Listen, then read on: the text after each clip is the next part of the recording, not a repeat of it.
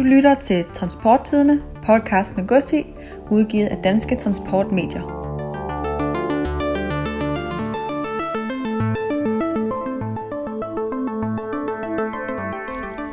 Mit DT Media er platformen, hvor du samler din markedsføring et sted. Publicer artikler på transporttidene.com og lastbilmagasinet.dk. Del dine artikler på din Facebook-side og link til din egen hjemmeside – få en uforpligtet snak med salgskonsulent Henrik Christensen på 43 58 45 41.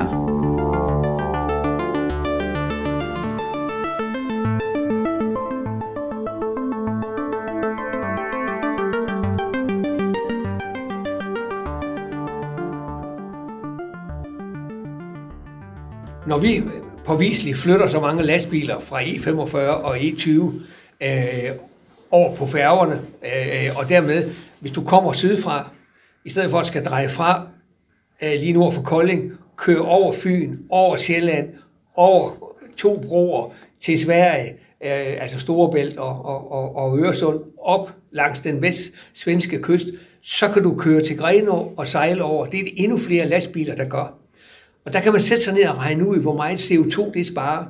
Og at det ikke fylder mere øh, i infrastrukturplanen, at det drejer sig altså om at få CO2-belastningen ned. Det overrasker mig. Det er skuffet over. Øh, og derfor gør vi så meget ud af at pointere, at hvis man mener noget med bæredygtighed i transport, så skal man også regne lastbilerne og den tunge øh, transport med, og, øh, og anerkende, at det faktisk er en succes med Halmstad Grenå, der tager flere lastbiler og vil tage 30.000 flere inden for en rimelig kort periode, måske allerede i løbet af anden halvår 21, og så frem i 22. Og på den måde kan vi være med til at, at bidrage stærkt til det CO2-regnskab, som jo også EU peger på. Og derfor forventer jeg også i de forhandlinger, der kommer, at der kommer ekstra midler til at forbedre infrastrukturen fra Aarhus Lufthavn og så frem til Grenaa. Vi skal have øh, øh, vi skal udenom Trostrup, vi skal udenom Tirstrup, vi skal have en 2 til 1 Øh, øh, øh, motortrafikvej, mindst. Hvis ikke man får en motorvej, så mindst skal vi have en 2, 2 plus 1, og det håber jeg rigtig meget, at der er mange, der vil bakke os op i. Sådan lyder det blandt andet fra Bent Hansen, bestyrelsesformand i Greno Havn, der under præsentationen af havnens årsregnskab for 2020 ikke kunne skjule sin skuffelse over regeringens infrastrukturudspil, som ikke lægger op til de store vejinvesteringer på Djursland. Jeg har talt med Ben Hansen og havnens administrerende direktør Henrik Carstensen om Grenaa Havns 2020 og om havnens fremtidsudsigter. Og det er et interview, man kan høre senere her i podcasten. Og med de ord, velkommen til Transporttidende podcast med Gossi, udsendelse nummer 10. Mit navn er Anders Per Geihede, jeg er ansvarshavende redaktør på Transporttidende, og jeg sidder i øjeblikket i studiet i Lystrup, med mig har jeg også dig, Lars Myrup Lassen. Du er journalist på Transporttidene og med os fra studiet i Hellerup. Hej Anders, og hej til alle vores øh, lyttere. Jeg har den her gang været med på en lytter i beskæftigelsesudvalget, hvor øh, beskæftigelsesminister Peter Hummelgaard, han har skulle svare på spørgsmål i forbindelse med alt den medieomtale, der har været af arbejdsforholdene hos øh, online supermarkedet, nemlig .com. Og det glæder jeg til, mig til at fortælle mere om senere. Og det glæder jeg mig til at lytte til, og det håber jeg også, øh, du gør, kære lytter. Øh, så først og fremmest velkommen til dig, som har valgt at lytte med til øh, Transporttidens podcast. I denne udgave af podcasten, der kaster vi os over Transporttidene nummer 8, som lige er kommet på gaden. En stor del af avisen udgøres af altså historier, som vi har dækket i forbindelse med det her store øh, infrastrukturudspil fra regeringen. Men det oplæg har vi netop lavet en særudgave af podcasten om. Så infrastrukturudspillet, det kommer vi altså kun til at berøre en lille smule i denne udgave. I stedet så, som Lars sagde, så dykker vi ned i historien om online supermarkedet nemlig.com, som arbejdstilsynet mener reelt fungerer som arbejdsgiver for chaufførerne. Herudover så glæder jeg mig til at tale mere om Grenaa Havn, som jeg indledte med. Og endelig så kigger Lars nærmere på historien om et rekordlangt godstog, der er prøvekørt mellem Tyskland og Sverige, og hvilke fremtidsperspektiver det forsøg det kan åbne op for for banegodstransporten. Og endelig så slutter vi af med ugens øjenåbner, hvor vi hiver en nyhed frem, som har overrasket os. Velkommen til.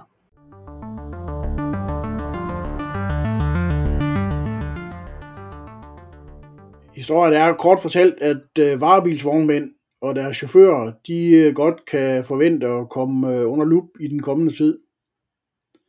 Det er beskæftigelsesministeren, der sender arbejdstilsynene ud på flere arbejdsmiljøkontroller, der er målrettet mod varebiler i bud- og grørbrancherne.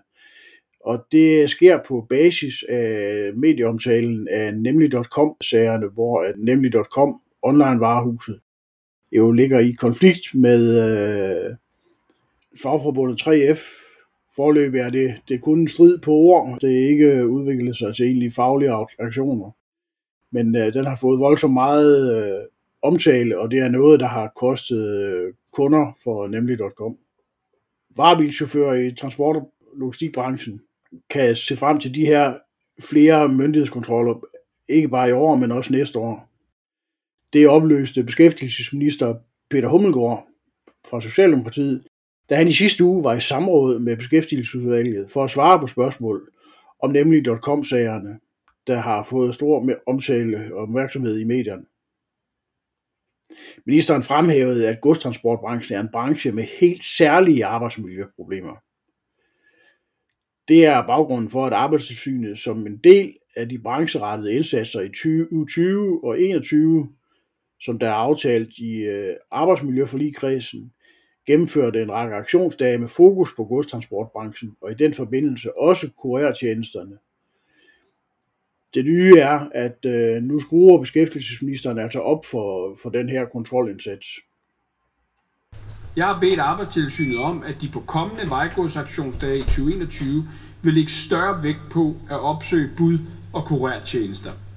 Arbejdstilsynet vil derudover i forbindelse med forslag til nye brancheindsatser i 2022 undersøge muligheden for at gennemføre en brancheindsats, der i endnu højere grad er målrettet bud og kurertjenester. Sagde Peter Hummelgaard. Centralt på samrådet i beskæftigelsesudvalget var spørgsmålet om arbejdsgiveransvar. Specielt i forhold til de chauffører, der distribuerer varer og deres arbejdsmiljøproblemer. Så vil jeg starte med at understrege, at de ansattes arbejdsmiljø først og fremmest jo, som altid, er arbejdsgiverens ansvar. Og hvis jeg skal trække en linje tilbage til de lidt for kreative fixfakserier, som jeg tidligere var inde på, så kan den reelle arbejdsgiver altså ikke fraskrive sig ansvaret ved at bruge en anden virksomhed som strømmand. Sagde beskæftigelsesministeren. Her har Arbejdstilsynet i 2019 i en konkret sag vurderet, at nemlig.com var den reelle arbejdsgiver. Begrundelsen var her ifølge ministeren, at nemlig.com planlagde til rettelage chaufførernes arbejde, tildelte dem ruter via en app fra nemlig.com, instruerede de ansatte i at aflæse og placere dagens returemballage på rampen inden næste dags kørsel, førte tilsyn med chaufførernes kørsel med daglig udbringning af varer, foretog daglige stikprøvemæssige kontroller og havde en kundeservice, der tog kontakt til kunderne ved problemer ved levering og stillede arbejdsbeklædning til rådighed for chaufførerne. Ovenstående forhold ligner i et eller andet omfang forhold, som kendes i andre dele af vejgodstransportbranchen, hvor vognmænd og deres chauffører i betydelig omfang styres af pakker- og ekspresselskaber eller speditører, eller direkte af industri- eller angro- eller detailvirksomheder.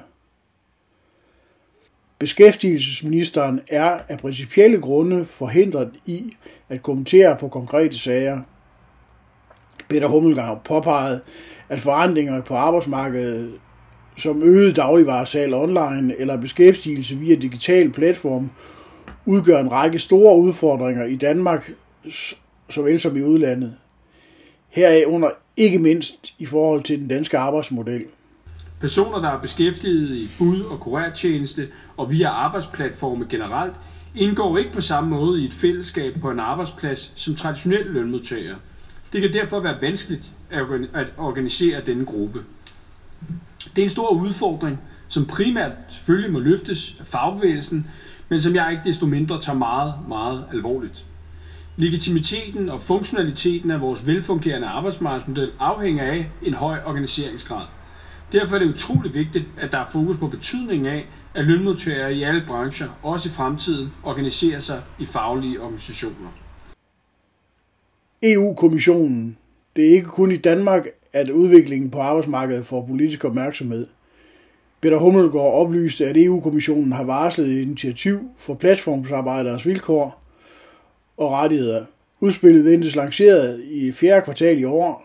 Her er et element formentlig, at de såkaldte solovognmænd får ret til at forhandle kollektive aftaler med deres kunder, uden at parterne kommer i klemme i EU's konkurrenceregler om øh, prisaftaler.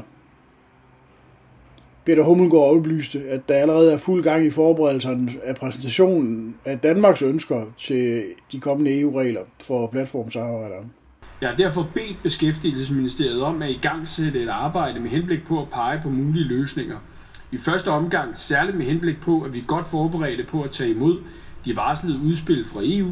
Målet er et stærkt dansk modsvar til den udvikling på arbejdsmarkedet, som vi drøfter her i dag.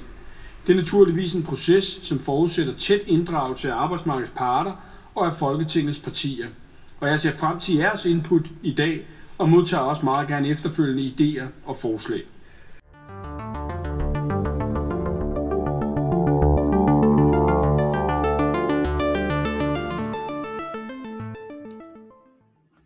Det lyder som en øh, rigtig spændende historie, Lars, øh, du har kastet over her, som jo selvfølgelig også, som du siger, har fået øh, meget øh, medieomtale, blandt andet øh, på transporttidene. Når du så øh, kigger fremad øh, en måned eller to, måske et halvt eller et, et helt år, hvad bliver perspektiverne for, for dansk øh, vejgodstransport oven på det her? Ja, det er jo et godt spørgsmål, og, og det er, bliver jo sådan lidt spekulativt.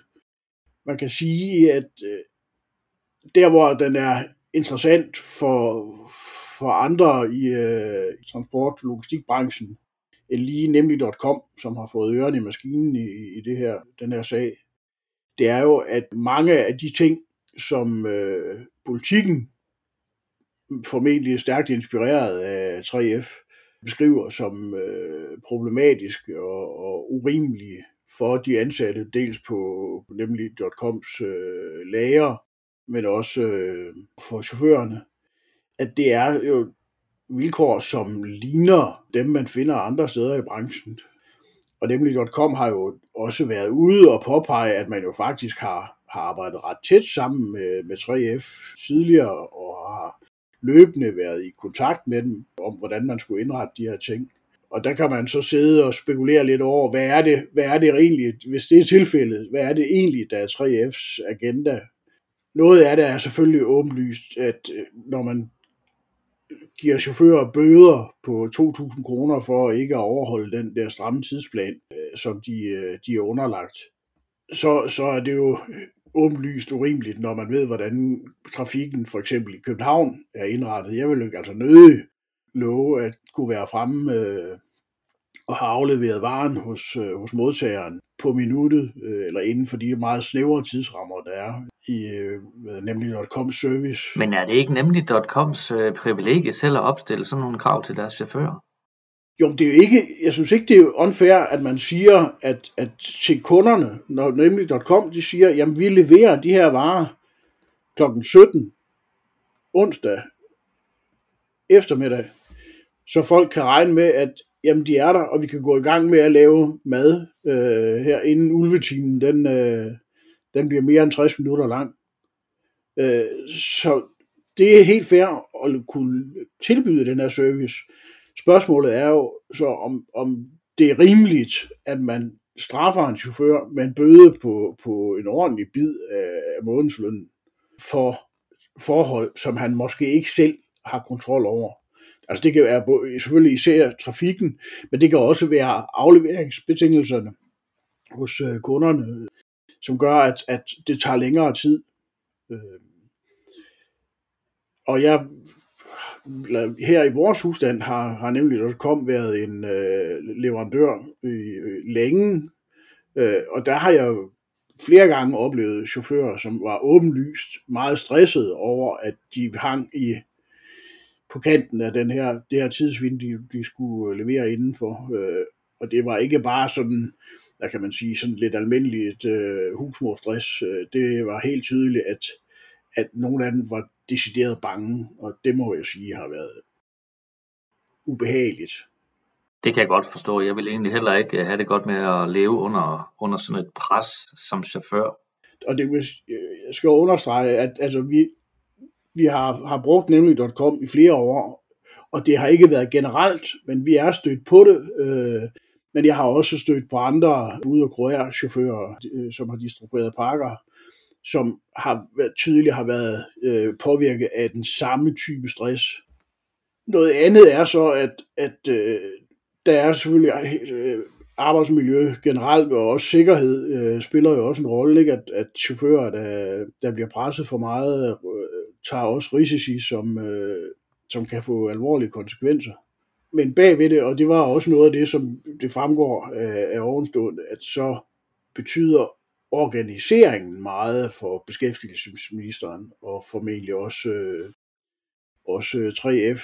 Og måske er det i virkeligheden det, der er problemet, at øh, 3F ikke har været, har, har været i stand til at organisere et tilstrækkeligt stort antal af de ansatte hos øh, nemlig.com og deres underleverandører.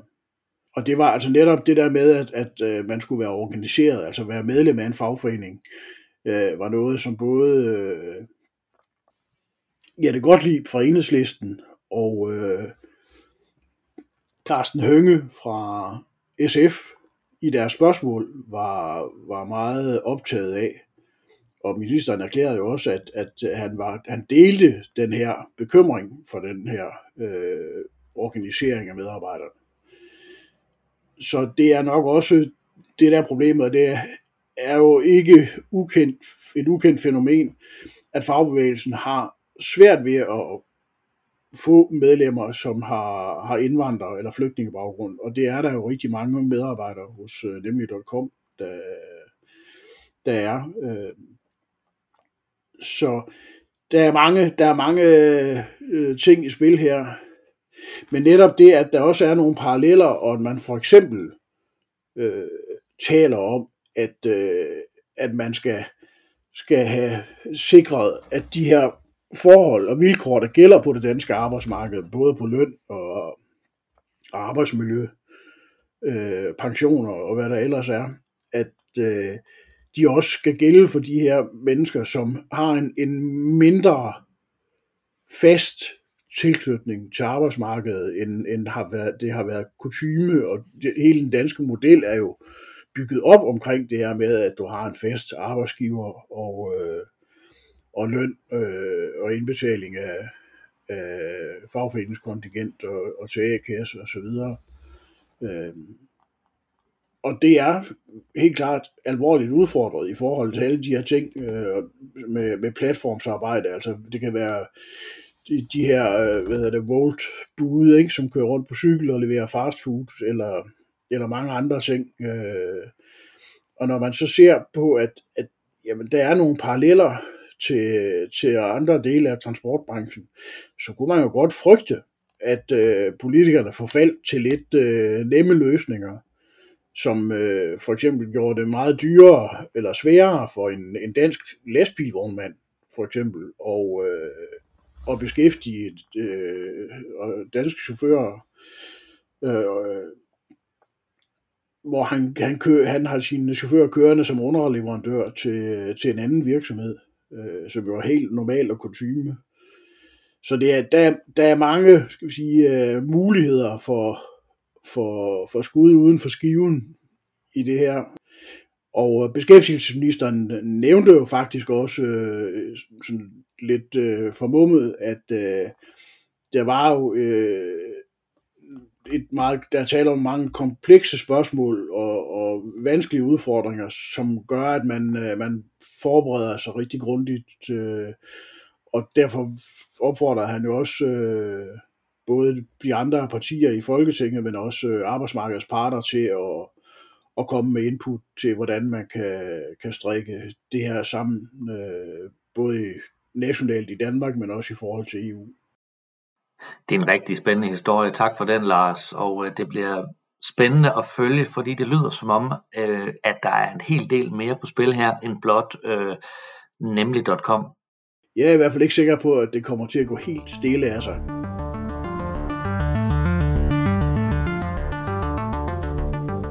Transporttidene er erhvervsmediet, der dækker de nationale og internationale transport- og logistikkæder til lands, til vands, i luften og på varelærerne. Vi brænder for at fortælle om de virksomheder, der opbygger, driver og leder effektive forsyningskæder. Herunder også branchens rammevilkår inden for uddannelse, infrastruktur, miljø, jura og politik. Køb dit årsabonnement til Transporttidens trygte avis eller som e-avis. Kontakt os på 70 250 350. Hvis man kører til og fra Greno, skal man afse ekstra tid, fordi der er rigtig meget tung trafik. Det er vi glade for, men det kræver også, at man anerkender, at infrastrukturen skal være bedre. Den betyder noget for at binde Danmark bedre sammen, og så kan man jo ikke bare efterlade Djursland og Grenå på den måde med en elendig infrastruktur. Således kontant lyder det nu fra Bent Hansen, bestyrelsesformand i Grenaa Havn.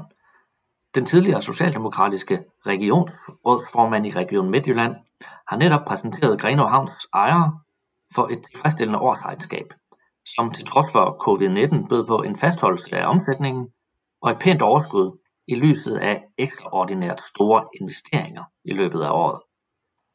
Men regeringens infrastrukturudspil skaber altså skår i glæden her i havnen, som øh, netop har besluttet udvidelser for 100 millioner kroner, og som er godt i spil som servicehavn til de kommende havmølleparker i Kattegat, og hvis kunde Stena Line har succes på godstiden på den nye rute til Halmstad. Der er motorvej til Halmstad, og det er derfor de svenske lastbiler gerne vil bruge ruten, så kan det ikke hjælpe noget, at de møder en flaskehals her på den anden side, siger Bent Hansen. Og han så tilføjer han, at den her rute den har haft 15% fremgang på fragtsiden. Og han siger yderligere, når vi påviseligt flytter så mange lastbiler fra E45 og E20 over på færgerne, så kan man sætte sig ned og regne ud, hvor meget CO2 det sparer. Og derfor så skuffer det mig, at Djursland ikke fylder mere i infrastrukturplanen. Jeg forventer i de forhandlinger, der kommer, at der kommer ekstra midler til at forbedre infrastrukturen fra Aarhus Airport til Grenaa. Hvis ikke vi kan få en motorvej, skal vi mindst have en 2 plus 1 motortrafikvej, og det håber jeg rigtig meget, at der er mange, der vil bakke os op i, siger Bent Hansen.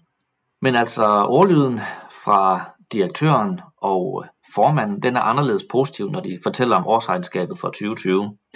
Jeg var med øh, hos Grenaa Havn, da de præsenterede det her årsregnskab, øh, hvor de fortalte, at Grenaa Havn i det forgangne coronaår, de omsat for ca. 60 millioner kroner. Og det er altså uændret i forhold til både 2018 og 2019. Og årets resultat det landede på 8,8 millioner kroner mod 14,5 millioner kroner i 2019. Øh, men det skal så ses i lyset af de mange investeringer, som havnen de foretog i 2020 for at ruste sig bedre til fremtiden. Øh, blandt de her investeringer, der er der en række restaurerings- og vedligeholdelsesarbejder, der er ny belægning på to kajer, og så er der nye fender til Stenas Lines færgelejre. Og derudover så blev der etableret tre nye bulkhaller og anskaffet en mobilkran. Desuden så besluttede havnebestyrelsen i december at investere 100 millioner kroner i en udvidelse af havnen i form af den her nye superkaj, som de kalder den. Øh, og den investering, den vil skrive sig ind i historien som havnens største anlægsinvestering nogensinde. Og den bliver altså skræddersyet til at håndtere store skibe og række, for havnen den vil gerne være en betydelig spiller i den grønne omstilling i de kommende år, og gør sig til over for nogle af de her mange havvindmølleprojekter, som kommer til at skyde op i Kattegat. Derudover så øh, blev der på den ordinære online generalforsamling i øvrigt valgt tre nye bestyrelsesmedlemmer i Grenaa Havn. Det er Laura Hej, der er tidligere rådmand i Aarhus Kommune. Det er Lene Skovsgaard Sørensen, som er administrerende direktør i netværket, der hedder DWP System Supplier. Og så er det endelig Jes Abelskov, som mange måske vil kende som ejer og administrerende direktør i Abelskov AS. Og derudover så er han bestyrelsesmedlem i Ørskov Yard og har været bestyrelsesmedlem i DI Transport i over 10 år. Jeg satte mig ned efterfølgende med Bent Hansen og Henrik Carstensen for at drøfte de her ting efter deres præsentation af årsregnskabet. Og øh, det interview, det kan du høre lige her. Bent Hansen og Henrik Carstensen fra Grenaa Havn. Øh, tak for en god præsentation af årets øh, resultat. Øh, er det tilfredsstillende? Det er meget tilfredsstillende, fordi øh, 2020 med, med covid-19 og alt det, der skete der, var jo et usikkert over for os alle sammen. Og derfor, at vi kommer ud og holder vores omsætning på de 60 millioner, og at vi øh, holder et, et øh, overskud på øh, cirka 9 millioner, og har investeret ekstraordinært en 6-7 millioner, så vi egentlig er på niveau med rekordår. Det er dybt tilfredsstillende. Så generelt øh, et godt år på trods af corona? Generelt et godt år, og hvis man kigger på havnen, og også hvis man i løbet af året har kigget på havnen, så har vi haft fyldt godt op. Øh, det er lykkedes for, for direktionen at have rigtig mange antenner ude, fordi vi er jo en projekthavn, der lever af hele tiden at tiltrække nye projekter. Og det gør jo, at der skal arbejdes hver dag på at skabe nye kontakter og få nye kunder ind, og det er heldigvis lykkedes. Og det kan man jo se, som havnen er fyldt op. Øh, og det er jo derfor, vi har vedtaget også at bygge en, en, øh, en ny ekstra mole øh, til 100 millioner, fordi vi har pladsmangel, og det er jo et luksusproblem, skulle man synes, men det er jo også en hemsko i forhold til fortsat at udvikle os og tiltrække nye kunder, særligt på vindmøllesiden, når vi skal have flere og flere vindmølleparker ude i Kattegat. Så det er, øh, for sagt på jysk, et rimelig fornuftigt år, og øh, øh, vi er nødt til at investere i fremtiden, og det er jo godt både for øh, for Nordjurs Kommune, øh, for hele Djursland og Østjylland, at vi på den måde skaber nye arbejdspladser, skaber nye aktiviteter, og dermed også får flere og flere i arbejde og giver vores bidrag til en stærk økonomi. Så de investeringer, I har lavet i løbet af året, har det været øh, med baggrund i stigende efterspørgsel, eller har det været for at kunne tiltrække øh, mere aktivitet? Jamen det er, det er, det er begge dele. Øh, stigende efterspørgsel, helt klart. Vi har godt gang i, øh, i havnen, ikke? 18 og 19 har, som Bent sagde i beretningen, været rekordår. Øh, så vi mærker efterspørgsel, men også for at kigge ind i fremtiden. Jeg nævnte selv i beretningen, den her nye superkarriere, men altså hvis ikke, hvis ikke vi bygger sådan en, så, øh, så har vi måske ikke mulighed for at fortsætte udviklingen, og vi vil kigge på, på Hæsly, vi vil kigge på nogle af de andre offshore og så har vi bare andre skal sige, større projekter i, øh, i pipelinen, ikke? Så, så, så, så det er helt klart øh, relateret til den udvikling, vi har generelt, og, og skal sige, udvidelsen både omkring haler, men også kajerne og det, bagløb, eller det bagvedliggende område, det kan bruges til mange forskellige ting. Så coronapandemien har overhovedet ikke haft nogen indflydelse på, på driften af Grenaa Havn i 2020? Nej, det synes jeg ikke. Altså, vi har, vi har som Bent også sagde i, øh, i sin beretning, vi har været skal sige, upfront lige fra start, lyttet til, øh, til alle de skal sige, retningslinjer og restriktioner, der kom ud. Øh, men også som du nævnte, vi er kritisk virksomhed, der må vi forholde os til, men komme igennem det på en god måde og bibeholdt vores omsætning. Har, har investeret en masse ekstra ting for at sætte gang i julen. Ikke? Så, så vi, vi, selvom det er en kedelig sag, pandemien og covid, jamen, så er vi kommet godt igennem det, kan man godt sige, på, på Grenaa man, man kan sige, der hvor vi har mærket det, det er jo i forhold til Stena. Fordi øh, øh, Stena har jo fastholdt den færge, øh, som, som, som før sejlede til Vareberg, nu sejler til Halmstad og har haft 15 procent fremgang. Men på fragtsiden, vi har jo håbet rigtig meget, da vi var med til indvidelsen, at det også blev øh, flere turister. Men, men der satte Kobe jo en stopper ind. Mm. Så, øh, så det der ønske om at udvide med turistbenen, det må vi lige vente med til slutningen af 21-22, og så skulle det gerne komme med, med fuld effekt.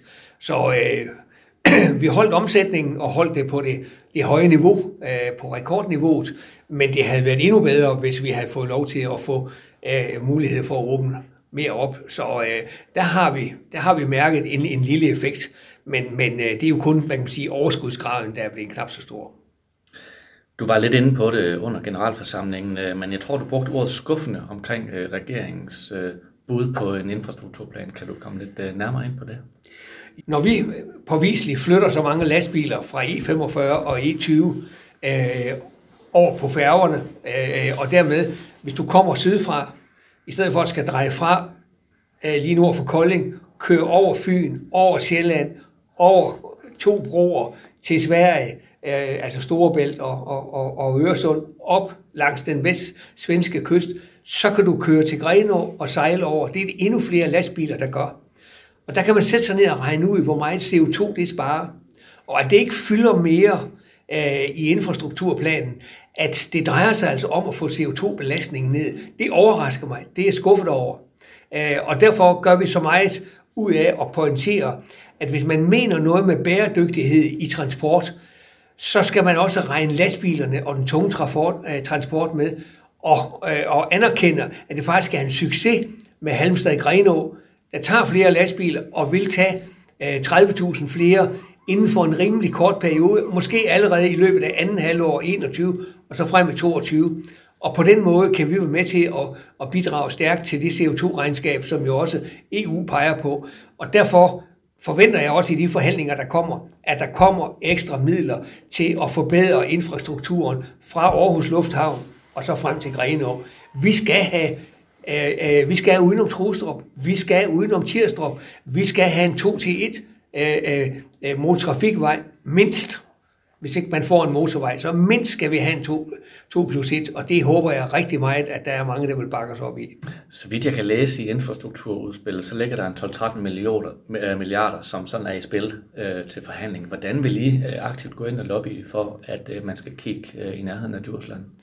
Det gør vi jo sammen med kommunen særligt, men også sammen med det øvrige erhvervsliv, erhvervsråd osv. Øh, de omkringliggende kommuner, heldigvis også Aarhus er med til at bakke op, øh, og, og, og få kontakt til de øh, øh, forskellige partier i Folketinget, der, der kommer med i forhandlingerne her, og bringe de gode argumenter ind, de savlige argumenter ind og sige, derfor skal man investere noget mere øh, på Djursland og flytte nogle af de milliarder, øh, som er reserveret der, flytte nogle af de 100 millioner i løbet af nogle år over til Djursland i en frygtelig fart. Altså vi kan ikke nøjes med, øh, at man peger på, jamen der er kommet nogle, øh, nogle få penge til en cykelsti fra Trustrup og frem mod Greno. Det betyder intet i forhold til de, øh, den tunge trafik, der er. Prøv at køre en tur på den vej bare i dag. Ja, du skal afsætte ekstra tid, fordi det er rigtig meget tung trafik. Det er vi glade for. Men det kræver også, at man erkender, at infrastrukturen skal være bedre. Hvad tror, hvad tror I ligger til grund for, at man har valgt at, se bort fra, fra, fra Djursland, i hvert fald med hensyn til en motorvej eller en 2 plus 1 vej i den her omgang? Jamen, det er vel summen af ønsker, og det er vel også en strategi om, at der skal, at der skal være noget øh, at forhandle om, og, og at dem, der bliver med til at indgå en infrastrukturaftale, at de også kan gå ud og sætte fingre på og sige, lige netop det fik vi igennem her. Og det drejer sig så om, at vi øh, hvad man sige, over for øh, forhandlere øh, for andre partier gøre opmærksom på, tag nu det med, fordi det betyder noget for at binde Danmark sammen. Altså man kan jo ikke efterlade Djursland og Grenå på den måde øh, med en elendig infrastruktur. Prøv at kigge på, hvordan infrastrukturen er til Halmstad, til havnen derovre. Der er faktisk en motorvej. Og det er jo derfor, at de svenske lastbiler rigtig gerne vil bruge den her. Så kan det jo ikke hjælpe noget, at de møder en flaskehals her på den anden side. Afslutningsvis, kan I prøve begge to at sætte et par ord på den øh, udvikling, som Grenaa Havn er på vej ind i de kommende år? Jamen, vi kigger ind i en spændende udvikling. Altså, som Ben sagde igen i beretningen, strategien 2025 er klar.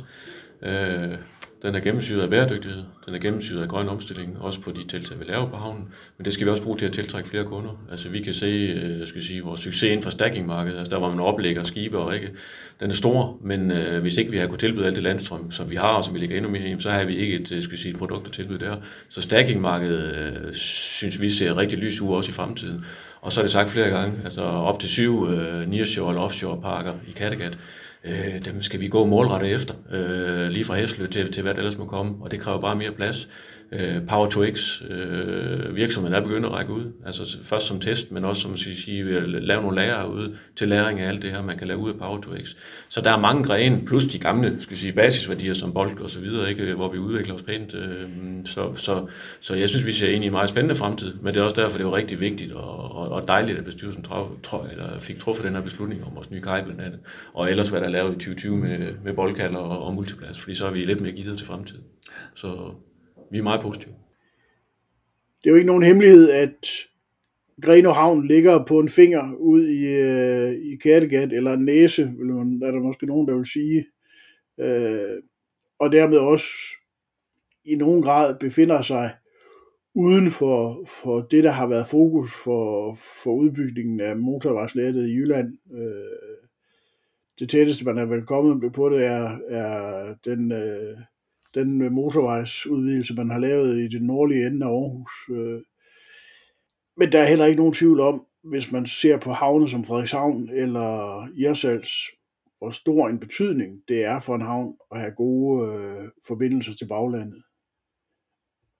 Og det er også øh, det, der kan blive afgørende for, om, øh, om Reno Havn på længere sigt kan, kan markere sig som en, øh, en havn, der, der er i stand til at, at vokse og bære en investering på 100 millioner kroner. Der er ikke nogen tvivl om, at for Grenaa Havn og kommunen, så er det afgørende, at man, øh, man fastholder den besk- det beskæftigelsespotentiale, der ligger i havnen, og også meget gerne udbygger det. Fordi det er sådan nogle ting, der kan være med til at, at fastholde vitaliteten rent erhvervsmæssigt, øh, men også i virkeligheden kulturelt i, øh, i en egen, der sådan ligger en lille smule uden for Alfarvej. Der er mange andre, der står med, med hatten fremme, når vi tæller infrastruktur. Så det bliver en sej kamp for Greno Havn. Det er der ikke nogen tvivl om. Men øh, jeg kan godt forstå, at de, øh, de satser på det. De har ikke rigtig råd til, til andet. Det er rigtigt, og øh, jeg kan jo fortælle til de lyttere, som ikke har kørt øh, på vejene øh, i den her del af landet, at øh, når man øh, kører inden for Aarhus, kører ud mod Grenå, så rammer man øh, området omkring Hornslet på et tidspunkt, og der stopper motorvejen altså. Øh, og så bliver det øh, herefter landevej igennem en lang række småbyer, hvor man jo som sagt skal ned øh, på 50 km i timen. Øh, og øh, det er ikke befordrende for tung transport øh, at køre den vej. Bent Hansen han øh, nævner specifikt for mig de her øh, 12-13 milliarder, som sådan ligger op for grabs øh, blandt partierne, som de sådan kan øh, få nogle ønsker opfyldt med. At han håber lidt, det var en strategi fra regeringens side, at man faktisk gerne vil have bedre infrastruktur til Grenå, men at man altså ligesom efterlader øh, Grenå som sådan en slags ting, som partierne de ligesom kan foreslå, og så altså kan sige, at de har også haft en finger med i spillet. Så altså en, øh, en, en taktisk manøvre fra øh, regeringens side er altså det, som Bent Hansen håber, det er udtryk for. Og du har fuldstændig ret, øh, Lars. Vi kan jo ikke plastre hele landet til i, øh, i motorveje til, øh, til alle mulige egne. Det vil, det vil virkelig være at, at overdrive. Men jeg synes, Bent Hansen og øh, direktøren Henrik Carstensen, de har nogle gode argumenter, når de siger, at Stena Line, de altså har valgt at, at flytte Greno Varberg øh, til Greno Halmstad, og at de rent faktisk har haft succes på godssiden med at gøre det. Man kan også nævne de her øh, øh, projekter, som øh, kommer til at finde sted i Kattegat, hvor, hvor jeg vil mene, at Greno Havn øh, er godt i spil som, øh, som servicehavn til, øh, til nogle af de her projekter, at det vil også skabe noget mere trafik. Men også ud fra et øh, rent øh, samfunds øh, fremtidsperspektiv, øh, så er der jo ingen, der ønsker, at, øh, at store dele af landet skal øh, være fuldstændig ude for alfavej. Vi vil jo gerne øh, brede befolkningen så godt øh, som muligt ud, og øh, der vil bedre vejforbindelser til, øh, til Grene og Djursland altså spille en stor rolle.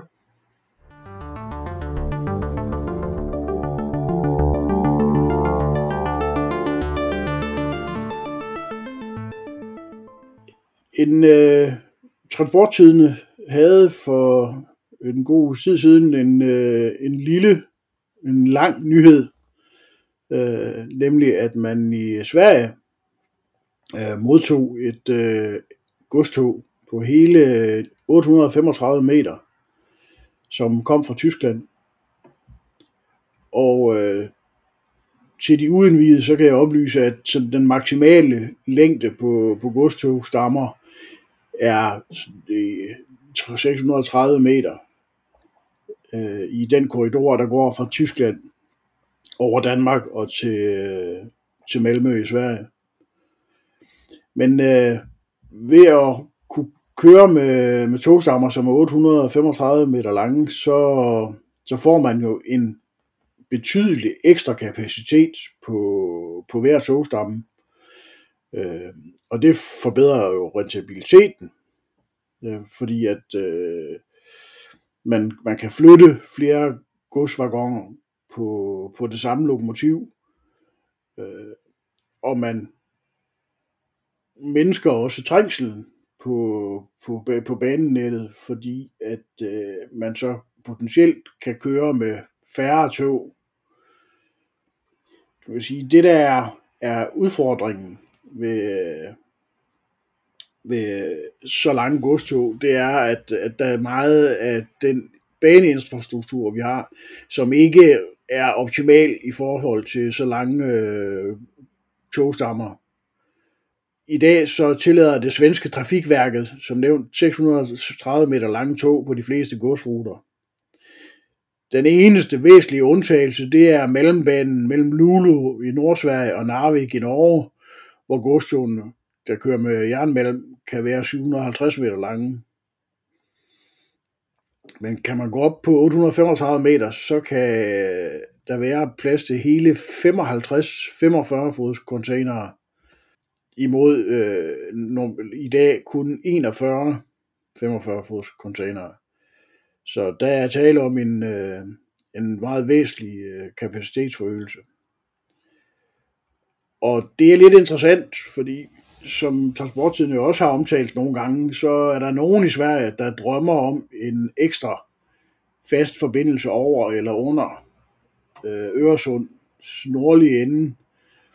Øh, og her er argumentet øh, blandt andet, at øh, godsbanekapaciteten på Øresundsbroen, den øh, vil slippe op inden for en overskuelig overrække. Jeg husker det som værende en gang i slutningen af 2020 eller starten af 2030'erne.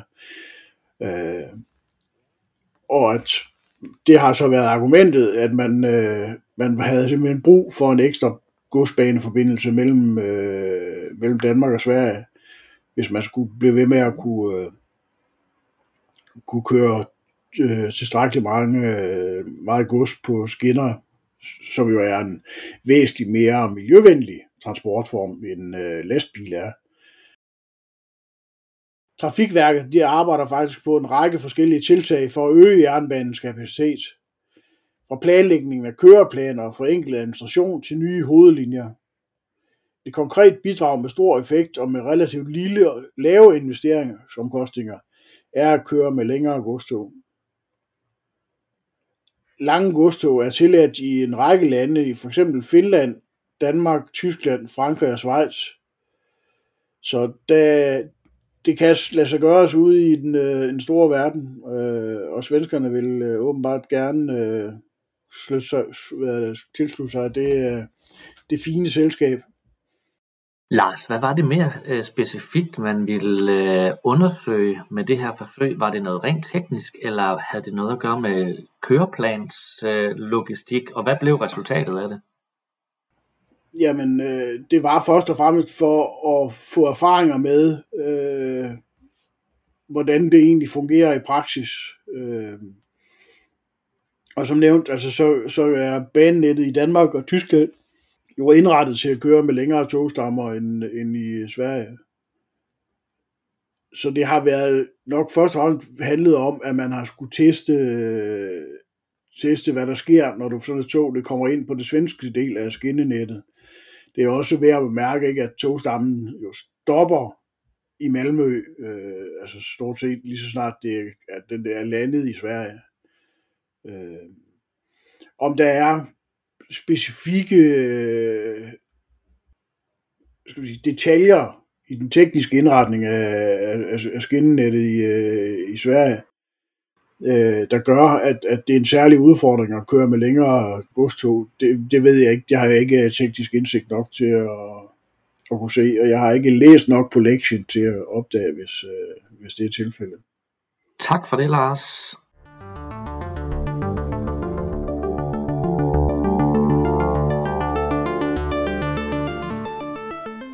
Jeg fortsætter med ugens øjenåbner, og her vil jeg gerne tage fat i nyheden om, at luftfartskoryfæet, den britiske Willie Walsh, han øh, per 1. april er tilsat som ny luftkaptajn i den internationale luftfartsorganisation IATA. Og til de luftfartsindvidede, der vil man vide, øh, hvad IATA er for en organisation, men til andre, der kan jeg fortælle, at den her organisation, den repræsenterer 290 luftfartsselskaber over hele verden, og de her selskaber de står samlet for 82 procent af den globale lufttrafik. Det er altså en kæmpe organisation, og det er også IATA, som jeg henter mine tal fra, når jeg skriver om den globale luftfragt. Willy Walsh han øh, overtager styrepinden fra franske Alexandre Dufignac, som har været IATA's øh, generaldirektør siden 2016. Walsh blev bekræftet som IATA's 8. generaldirektør ved den 76. 20. IATA ordinær generalforsamling, som fandt sted i november. Og han slutter sig til ISA efter en 40-årig flot, må man sige, karriere inden for luftfartsindustrien. Han trak sig tilbage fra IAG i september 2020 efter at have fungeret som selskabets administrerende direktør siden starten i 2011. Før det der var han administrerende direktør fra British Airways i årene 2005 til 2011. Han var administrerende direktør for Air Lingus fra 2001 til 2005. Og så er det måske lige værd at nævne, at han faktisk begyndte sin karriere inden for luftfart i Air Lingus i 1979 som kadetpilot. Det er altså med andre ord en flyvende karriere, han har haft ham her, Willie Walsh. Derudover så har han også været øh, medlem af IATA's bestyrelse i næsten 13 år, øh, og han har faktisk været formand også fra 2016 til 2017. Og han vil arbejde fra foreningens hovedkontor i Genève i Schweiz. Og i forbindelse med tiltrædelsen som øh, IATA-generaldirektør, der øh, udtaler Willie Walsh i normale tider er over 4 milliarder rejsende afhængige af luftfart hvert år, og distributionen af vacciner har sat værdien af effektiv luftfragt i fokus. Flyselskaber er forpligtet til at levere sikre, effektive og bæredygtige tjenester. Mit mål er at sikre, at IATA er en stærk stemme, som understøtter global lufttransportsucces. Vi vil arbejde sammen med tilhængere og kritikere for at opfylde vores forpligtelser over for en miljømæssigt bæredygtig luftfartsindustri. Det er mit job at sikre, at regeringer, der er afhængige af de økonomiske og sociale fordele, vores branche genererer, også forstår de politikker, vi har brug for, for at levere disse fordele, siger altså Willie Walsh.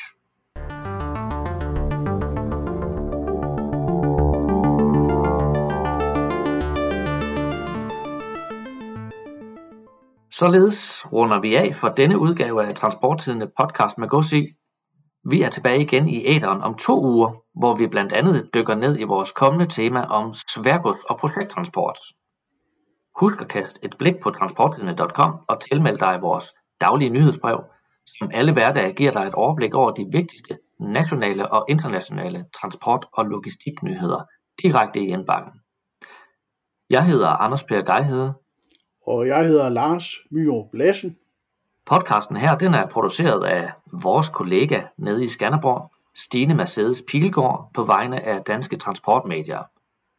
Skriv til os, hvis du har forslag til emner, som vi kan tage op i podcasten, og spred endelig budskabet om transportbranchens nyeste podcast.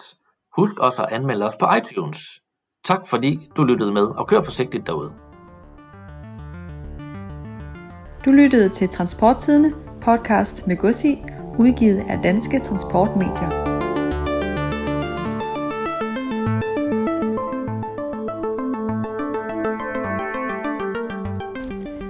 Mit DT Media er platformen, hvor du samler din markedsføring et sted. Publicer artikler på transporttidene.com og lastbilmagasinet.dk. Del dine artikler på din Facebook-side og link til din egen hjemmeside. Få en uforpligtet snak med salgskonsulent Henrik Christensen på 43 58 45 41.